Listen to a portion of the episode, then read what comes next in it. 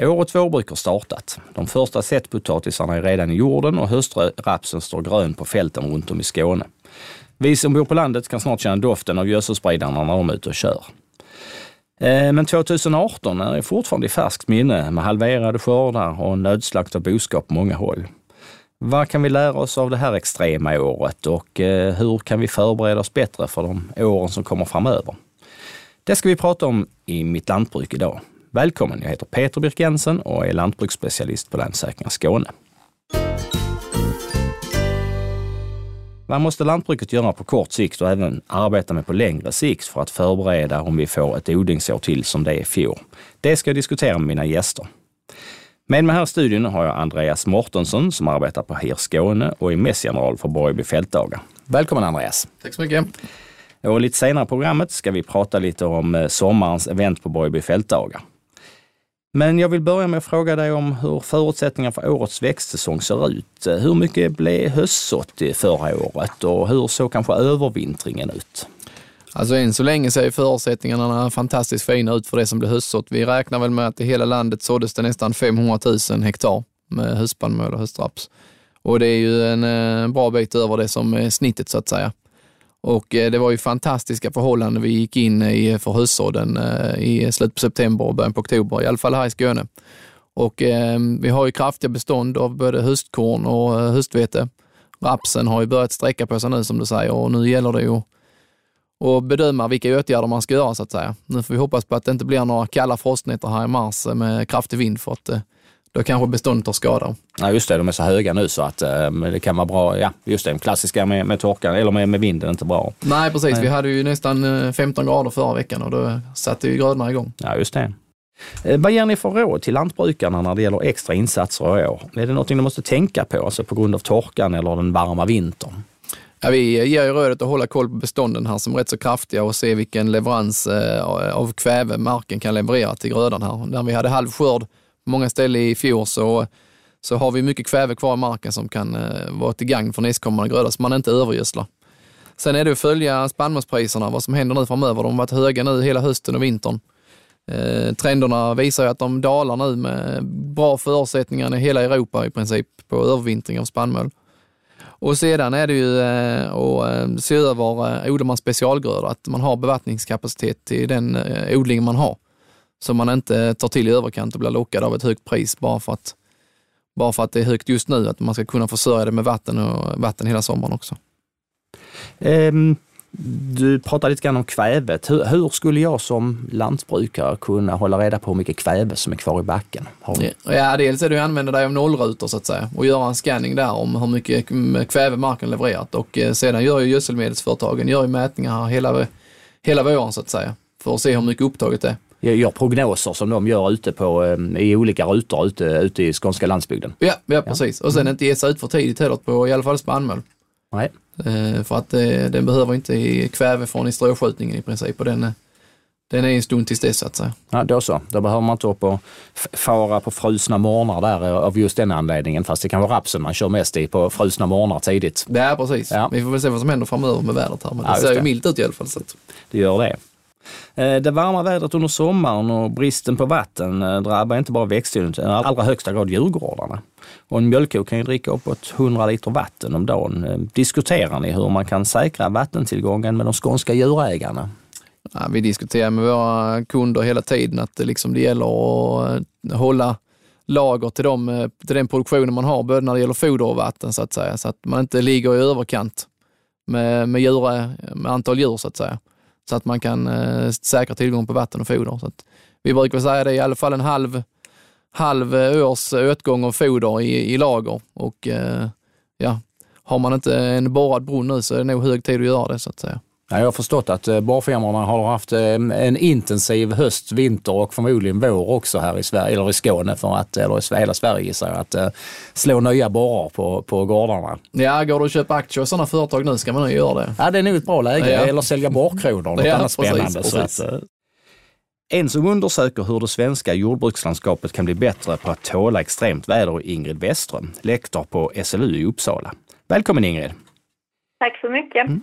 Eh, vattenhushållning i jordbrukslandskapet är ditt område och du har ju bland annat tittat på data från det nationella miljöövervakningsprogrammet för jordbruksmark och har kunnat göra framtidsscenarier för klimat i olika delar av Sverige. Eh, hur ser det ut för oss här i Skåne tror du? Ja, vad vi har gjort där och jämfört en historisk 30-årsperiod eh, från 1989 till 2018 med en framtidsperiod också på 30 år då från 2021 till 2050.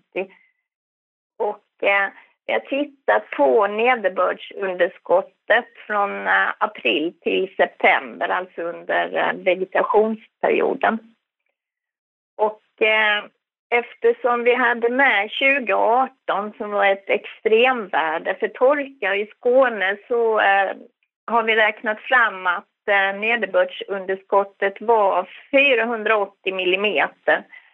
Och eh, det extremvärdet har vi inte hittat i, eh, under framtida 30-årsperioder.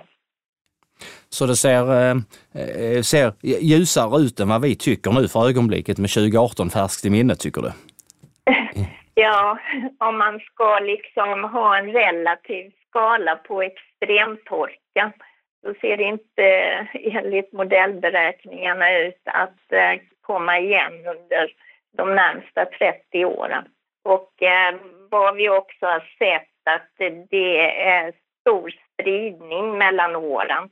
Så att det kan både bli torka och eh, nederbördsöverskott eller att det kommer intensiva regn rättare sagt. Så att man, man måste ha system både för bevattning och dränering som fungerar. Om det skulle kunna eh, komma torka igen på det sättet som var 2018, alltså vad skulle lantbrukaren kunna göra för att mildra effekterna av det? Ja, alltså eh, om man ska klimatanpassa så bör man ju vara ute i, i god tid så att man har tillgång till eh, bevattningsmaskiner eh, och då framför allt att man har tillgång till bevattningsvatten. Och eh, då, då gäller det nu att man liksom har möjligheter att lagra vatten.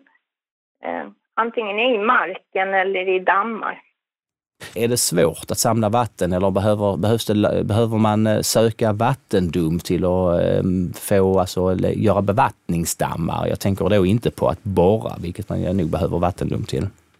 Ehm, det är lite beroende på storleken på de här anläggningarna, men att man har ett samförstånd med Länsstyrelsen och, och eh, rådgiver med dem så att man liksom anmäler, det måste man göra i alla fall. En tanke är ju de här vattenfördröjande åtgärderna och då måste man gå samma på avrinningsområdesnivå. Just det, typ de gamla dikesföretagen men eh, tvärtom att vi ska samla vatten istället. Ja, precis. Ja. Om jag går över till Andreas. Eh, det här verkar ju vara ett nödvändigt arbete om vi ska klara klimatförändringarna lite bättre. Eh, vilka råd ger ni på HIR Skåne när det gäller det långsiktiga arbetet med att klimatanpassa jordbruket? Nej, men det är väl lite samma som Ingrid säger här, att eh, vi får inte glömma bort 2017 som vi hade innan 2018 som var blött på andra hållet så att säga. Så verkligen se över sin dränering på sina marker och eh, kanske som Ingrid säger, pumpa upp dräneringsvatten om det är möjligt. Men eh, någon storskalig bevattning över hela landet, det tror jag kommer bli väldigt svårt att genomföra. Men eh, odlar man specialgrödor så ska man ju inte ha mer, eh, alltså större andel än man verkligen reder ut med sin bevattningskapacitet man har. För det ser vi att det är ju de som hade för stor andel specialgrödor i förhållande till bevattningskapacitet, där blir ju resultat därefter också. Sedan är det väl att sprida sina risker på vilka grödor man odlar så att man liksom inte sätter allt på ett kort utan man har ett stort eh, eh vårbruksfönster och ett stort skördefönster på hösten. Så att man sprider riskerna lite grann, så man inte satsar allt på höstraps eller eh, höstvete kanske. Ni sätter ju också upp frågan om, på, på dagordningen när det gäller temat för Borgby fältdagar och det är just vatten i år. Eh, kan du ge oss någon liten aptitretare vad man kan lära sig där? Ja, det är hur man ska hantera sitt vatten bäst eh, på sitt lantbruk, så att det är ju vattenhushållning framför allt. Ja. Så att det kommer bli mycket fokus på dränering, det kommer bli mycket fokus på bevattning och vi kommer även eh, snacka en hel del om vilka odlingssystem som är vattenhållande och kanske eh, de systemen som gör av med vatten istället för att, när det är för mycket på det viset. Ja, vad spännande, det ser vi fram emot. Ja, så. det kommer bli mycket intressant. Ja, trevligt. Forskare från Lunds universitet ska nu försöka sätta fingret på vilka problem som verkligen var knepiga för lantbrukarna under sommarens värmebölja. En av dem är Sara Brogård vid Lunds universitets centrum för studier av uthållig samhällsutveckling, eh, Luxus som det även förkortas. Eh, välkommen till Mitt Lantbruk. Tack så jättemycket. Vad är det ni hoppas få fram genom att eh, intervjua lantbrukarna direkt? Ja, det, det, är ju så här, jag får bara ta ett steg eh, tillbaka. Att, eh, det är vår, vår forskning och intresse det rör sig ju inom området alltså sårbarhet och anpassning då, till eh, klimatvariationer och förändringar. Och eh, ja, efterhand när vi såg hur, hur allvarligt eh, den här situationen slog på olika håll, vi hörde talas om det och pratade med, med folk här och där, så eh, tyckte vi att det var väldigt viktigt att lite mer på djupet försöka fånga upp hur olika eh, aktörer på landsbygden helt enkelt och företagare, hur man förhåller sig till den här situationen. Ehm, ja, så det var det som vi hade som, som utgångspunkt. Och eh, då vill vi liksom fånga erfarenheter medan de fortfarande är i färskt minne, men även när det har gått lite tid så man har hunnit i alla fall ta ett andetag tillbaka och liksom se hur det har slått över eh, slutet av året, men även här i början av året. Så därför är vi ute och intervjuar nu. Ja, intressant. Eh, hur tror du de här erfarenheterna från de drabbade av torkan kan användas? Alltså hur, eh, vad skulle man kunna använda det till?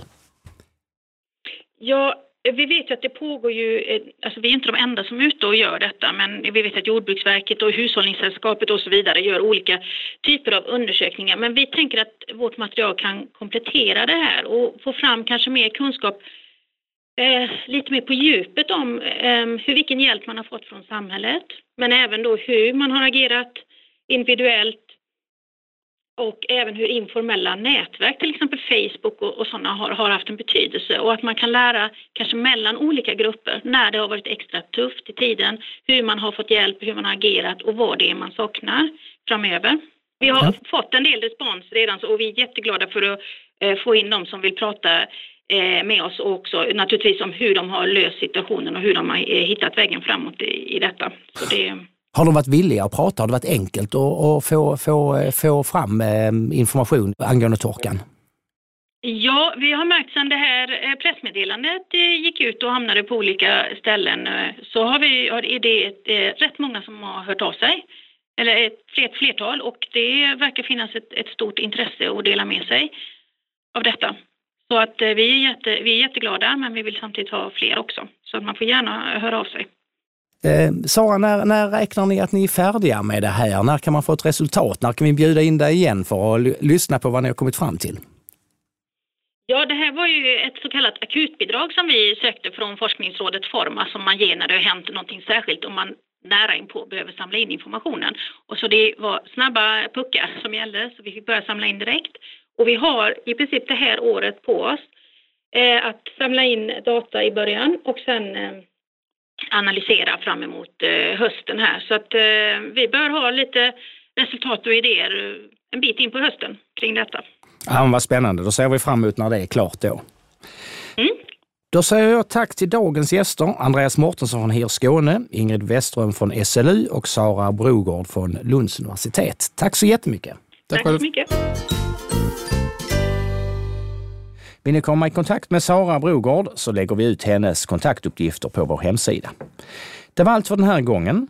Tills vi hörs igen kan du lyssna på tidigare avsnitt av Mitt Lantbruk. Du hittar dem på webben www.lansforsakringar.se skane mittlantbruk eller där poddar finns. Jag heter Peter Birkensen. På återhörande.